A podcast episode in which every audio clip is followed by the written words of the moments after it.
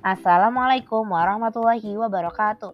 Hello, my name is Rena Adiba and I'm from Ikdi and today I will tell you about Ramadan. So first of all, what is Ramadan? Ramadan is a very special time for Muslims all over the world. Observing Ramadan is one of the five pillars of Islam. During Ramadan, all Muslims over the age of about 12, with some exceptions, are expected to fast between dawn and sunset. Ramadan is the ninth month of the Islamic calendar, which follows the phases of the moon. This means the dates of Ramadan change each year. The month starts when the new crescent moon is first visible in night sky. Fasting ends with the arrival of the next lunar moon, which starts with the first glimpse of the new crescent moon. During Ramadan, the day starts early so that people can eat a pre-fast meal before dawn. This meal, called sahur, is important as it will keep them going through the day. During daylight hours, fasting Muslims cannot eat food or drink water or any other drinks. In late spring or early summer, this is particularly difficult as the day can be very long.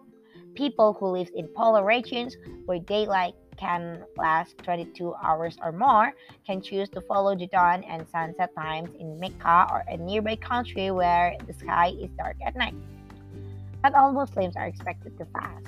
Children under the age of 12, people who are traveling, elderly people, pregnant women, and others where it may affect their health are exempt.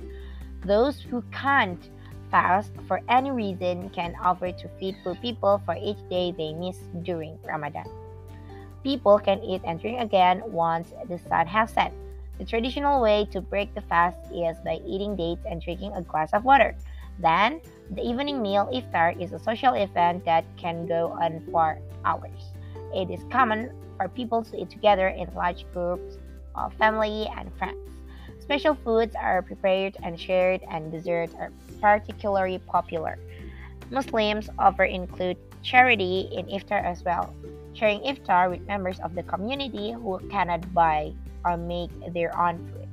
Across the Muslim world, mosques and aid organizations uh, set up tents and tables for the public in poorer communities to eat free iftar meals every night of Ramadan.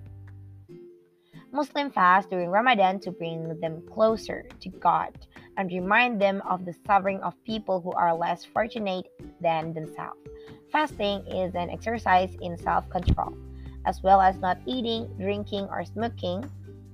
Muslims try to avoid bad action like talking about people behind their backs or using bad language. Ramadan is time for people to work on being more patient, more tolerant, and more mindful for the people around them. It is a moment to reflect and work on being better people.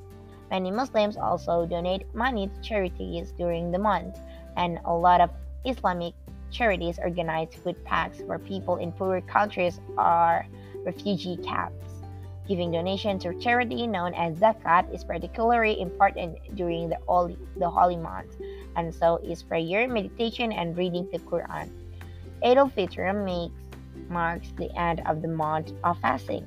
There are many Eid traditions, mainly centered around family, food, generosity, and festivities. On Eid al-Fitr, Muslims wake up early and dress in their uh, their finest clothes to attend the Eid prayers. After prayers, they wish each other a happy Eid, Eid Mubarak in Arabic, before spending the rest of the day with their extended families, enjoying good food, and sharing gifts with children and loved ones.